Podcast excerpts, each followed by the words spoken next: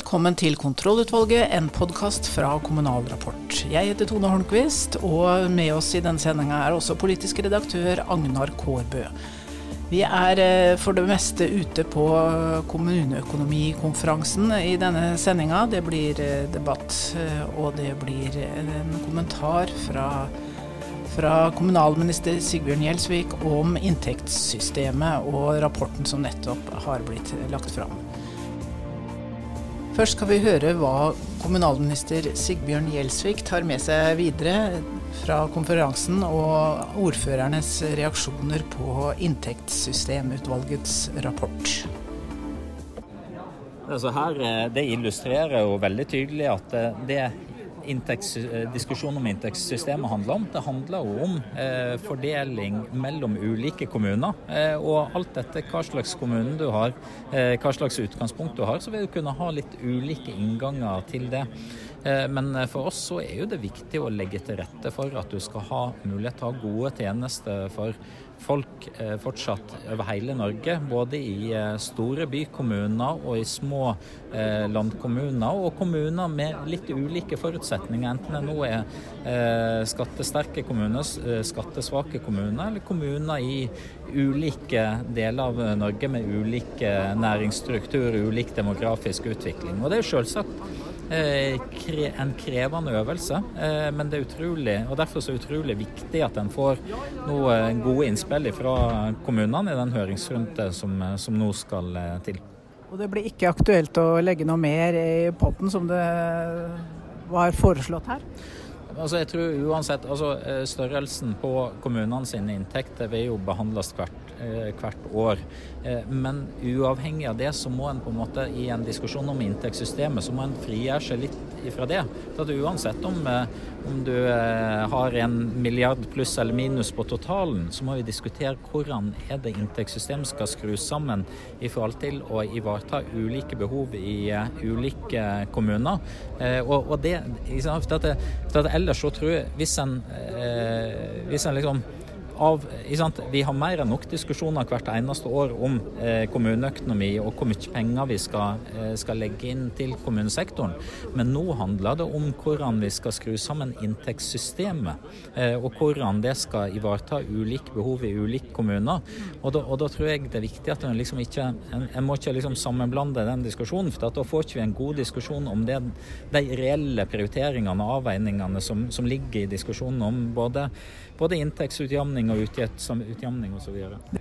Det som ligger i Hurdalsplattformen er jo regjeringa sitt, eh, sitt, grunnlag, og som selvsagt vil være viktig når vi skal inn i arbeidet med, med eh, inntektssystemet. Og som jeg, som jeg, sa her, som, bare som et eksempel, og så er det klart når, når utvalget foreslår å, å, fjerne det her grunnskoletilskuddet, som jo eh, vi kom med Hurdalsplattformen som et nytt, eh, nytt, grep, og som vi innførte i statsbudsjettet inneværende år, så det, er jo ikke der vi, vi kommer til å starte i oppfølginga av inntektssystemutvalget. Og, og eh, har vi sagt tydelig i Hurdalsplattformen at vi skal eh, fjerne elementet i inntektssystemet som, som, straffer kommuner som ikke slår seg sammen. Det handler om det med gradert basistilskudd. ikke sant? Og, og det at kommuner som, som, avgir naturressurser til utbygging, skal sitte igjen med mer av det og med en rettmessig andel. Så, så, eh, så noen sånne eh, konkrete, konkrete, føringer ligger der. Men så, så handler det òg om så overordna sett, hva er det inntektssystemet skal bidra til? Og det handler jo om å sikre grunnlag for,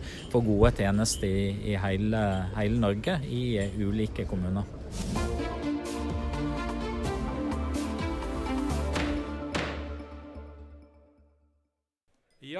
Velkommen til eh, Kommunal Rapports livepod-innspilling direkte fra kommuneøkonomikonferansen. Et lite forsøk her på hva vi kan få til. Vi har ett tema på dagsordenen, selvfølgelig, og det er inntektssystemet. Vi har med oss et kjempefint panel. Det er Lene Konradi, ordfører i Asker. Det er Even Tronstad Sagebakken fra Lindesnes, og ikke minst har vi rådmann Bjørn Atle eh, Hansen fra Alta. Han var med i utvalget. Vi starter med han, Tone. Vær så god. Ja, Hansen, du har jo vært eh, rådmann og sikkert Er du kommunedirektør nå? Eller? Er rådmann. Du er fremdeles rådmann, ja. Og hvor, du har vært lenge i Alta? jeg har vært eh, rådmann i 24 år nå, og de 18 siste årene i Alta. Ja, nettopp. Og det er sikkert derfor du har blitt bedt om å være med i utvalget. Og er det mulig å oppsummere i et par setninger hvordan et så omfattende system blir eh, revidert? Jeg må si at Hvis jeg hadde visst hva jeg gikk til når jeg sa ja, så tror jeg kanskje jeg har brukt litt lengre tid på å, å bestemme om jeg skulle takke ja eller si nei. Fordi det har vært eh, veldig arbeidskrevende. Vi har holdt på i to år. Eh, og for meg som bor i nord, å komme ned hit to dager eh, hver måned det, Men det, det, har vært egentlig veldig givende. Og jeg trodde jo at jeg kunne inntektssystemet før uh, vi starta det arbeidet her. Og jeg må si at jeg har lært utrolig mye. Og, Hva er det viktigste du har lært? Nei, det er at man, Inntektssystemet kan man presentere på to måter. Man kan gjøre det så innvikla at som Håvard Moe sa i sted, at det er bare tre som forstår det. Eller man kan legge det frem på en ganske pedagogisk måte. Så er det ikke så vanskelig. For Man trenger ikke som en politiker å gå helt ned i detaljene, altså hvordan man regner de her delkostnadsnøklene. Også, men den, den omfordelinga som skjer både på utgiftsutjevning og inntektsutjamninga, det går an å forstå for alle. Hva, hva, sier du til dine politikere for at de lett og greit skal Nei, forstå altså, vi bruker jo å kjøre sånne KOSTRA og liksom se på Og mitt budskap til dem er jo at vi er jo veldig privilegert. Det må jeg, tør jeg jo si, selv om jeg har sittet i utvalget sjøl, i forhold til inntektssystemet. Sånn at det er jo Mange tror at inntektssystemet skal løse alle utfordringer. Men det er jo bare en liten del. Altså for Nord-Norge, f.eks., og området jeg kommer, så er det jo næringsutviklinga som er det viktigste. Det, inntektssystemet klarer ikke å løse de tingene. Sånn at, eh, at Jeg syns jo Det må jeg bare si at det arbeidet vi har gjort, og jeg har hørt i dag og jeg har hørt tidligere på mange konstruktive og gode eh, betraktninger rundt det vi har lagt frem. Og det er ikke sikkert vi har truffet på alt. Men, men det jeg ser altså Vi har, har fall, vi har foreslått no, noe som vi er fall, et steg i riktig retning. Altså Vi går mot eh, en retning som vi er nødt kanskje å forsterke mer. Og omfordelingsvirkningen av det vi har foreslått, ble jo ikke så stor som jeg hadde trodd. Men der kommer jo inn alle de her delfaktorene. delfaktorene. Så, så, man må jo se det her systemet som en helhet, og ikke bare dukke ned i én detalj og se på det. Var dere forberedt på reaksjonene som kom? Det var, altså det var så forutsigbart som det gikk an å bli. Det var ingen overraskelse. Men sånn er det. det vet, jeg har jo vært så lenge i det gamet her at jeg vet jo Husker jo Ratse-utvalget kom den gangen. Da var jeg jo harnisk. Idioter. Og, så, sånn er det jo bare. Men hvilke endringer er det du mener må uh, overleve denne prosessen for at man skal komme ut samla bedre? Du er opptatt av helheten. Ja, altså, på, man kan gjerne se på noen, og det kom noen gode innspill i dag faktisk på kostnadsnøklene og se på de kriteriene. At det går an å se på noen av dem på nytt. Men utgiftsutjevninga, det det er jo fag. Mm. Og selvfølgelig er det faglige skjønn. Men det er ikke noen politikk der. Men skal man få til større utjevning, så må man Det på, på inntektssida. Altså uten det så er det ikke mulig å få til større utjevning, Sånn som jeg ser Og så har du jo de her distriktspolitiske eller regionalpolitiske virkemidlene som, lite, altså, som faglig sett er de jo ikke så veldig forankra.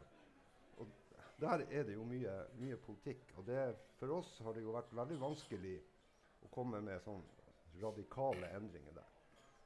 Og altså én milliard har vi frihet som går til omfordeling til alle kommuner. Men samla sett så er jo de regionalpolitiske tilskuddene fire milliarder. Det er jo det peanuts i den store sammenhengen.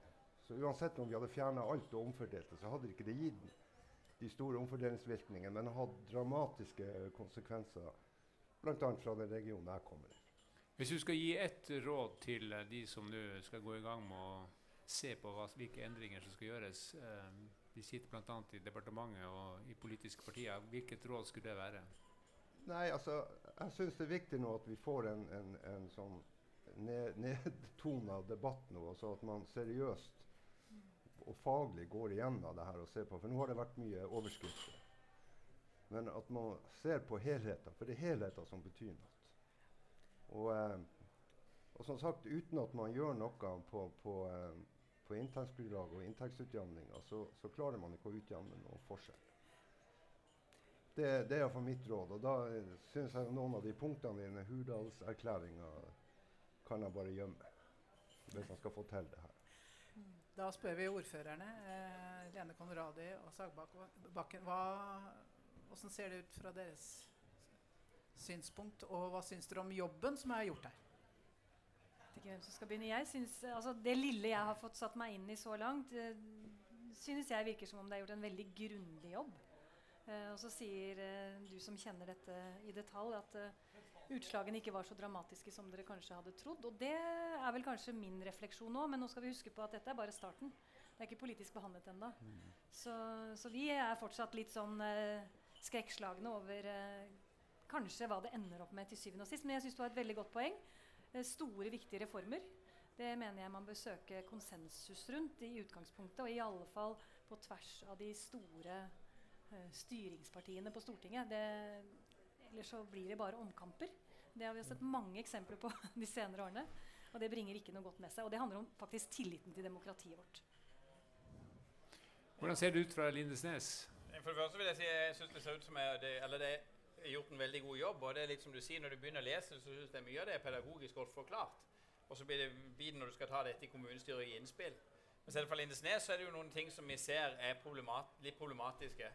Og Det ene er jo litt det som vi sier, vi ligger i en, ligger i en region som er veldig, veldig, har stort paradoks med at vi har et næringsliv på mange områder som går som det griner, viktige, store aktører, og mange som har det veldig veldig bra. Og så har vi et veldig veldig stor andel av utenforskap. Det har, det har vedvart i 30 år. Altså Vi er nødt til som det blir sagt her, vi er nødt til å finne noen andre måter som gjør at fordele midlene og bruke tid og ressurser på hvordan vi jobber, som gjør at vi faktisk klarer å gjøre noe med det. For akkurat nå så går det ikke riktig vei. Eh, og da er vi litt som et par dager som vi satte opp her, dette med at du fjerner utdanningskriteriet, som Agder skåret lav på, så erstatter du det med folk i heltid. Eh, for en, hvor, eh, for en region hvor veldig mange jobber i deltid og veldig mange står utenfor arbeidslivet, så er jo ikke det en god indikator knytta til barnehage, som er et viktig premiss. Og det andre er det som går på, på PU. Eh, hvor en ser flere av kommunene har eh, ja, det ble jo nevnt at har vært institusjonskommune. Og andre ting For egen kommune vil dette slå veldig hardt ut. Og så er vi inne på det med ressurskrevende brukere. Det, det, er jo mer en nasjonal utfordring. Hvordan håndterer en det? Noe som vi ser lokalt, f.eks. dette som går på unge demente. Vi ser at det, folk som rammes av demens, blir yngre. Og det krever et helt annet tilbud enn der hvor du har demens som er, som, som er eldre. Og så er det noen av de tingene som jeg skulle ønske at de hadde tatt tak i. Det var jo litt mer å diskutere dette Ja vel, hvordan, hvordan skal vi få til ei, ei, ei uh, inntektsutjevning? Hvordan skal vi få til en dreining der som gjør at vi kan ta de store grepene? Det savner en litt. Eh, og så er det det som òg går på eh, som jeg sa det med, debatten, det med barnevern. Eh, der hvor du ser at du har store utfordringer på barnevern. Hvis ikke du klarer å få tilført mer midler der, så, og igjen, vi har jo en reform som skal sørge for at vi jobber mer forebyggende, så risikerer vi at vi bruker veldig mye mer penger på tiltak. Og så har vi ikke midler til å faktisk gå inn og jobbe forebyggende, som igjen fører til at du bruker mer penger på tiltak. Og så kommer du inn i noen sånn negative spiraler. Jeg tenker at Formålet med både hvordan vi har inntektssystemene, og ikke minst politisk prioritering, må jo være at vi klarer å snu spesielt regioner som har disse negative spiraler som går på utenforskap og, og lav tilhørighet. Hansen, du ville kommentere det? Ja, altså Når det gjelder de analysene vi har gjort innenfor de forskjellige eh, tjenestene når det gjelder eh, kostnadsnøklene. Så altså, alt det du sier, har vi, vi har prøvd å se på det. Altså å finne eh, kriterier som har ei altså høyere for, forklaringskraft enn dagens kriterier. Og det har jeg må si på barnevernet det, det, han, Vi har prøvd alle mulige slags vinklinger. Og det, det er nesten umulig å finne, en, uh, finne, noen kriterier som fanger opp de forskjellene som, som er innenfor barnevern. Så det har vært prøvd.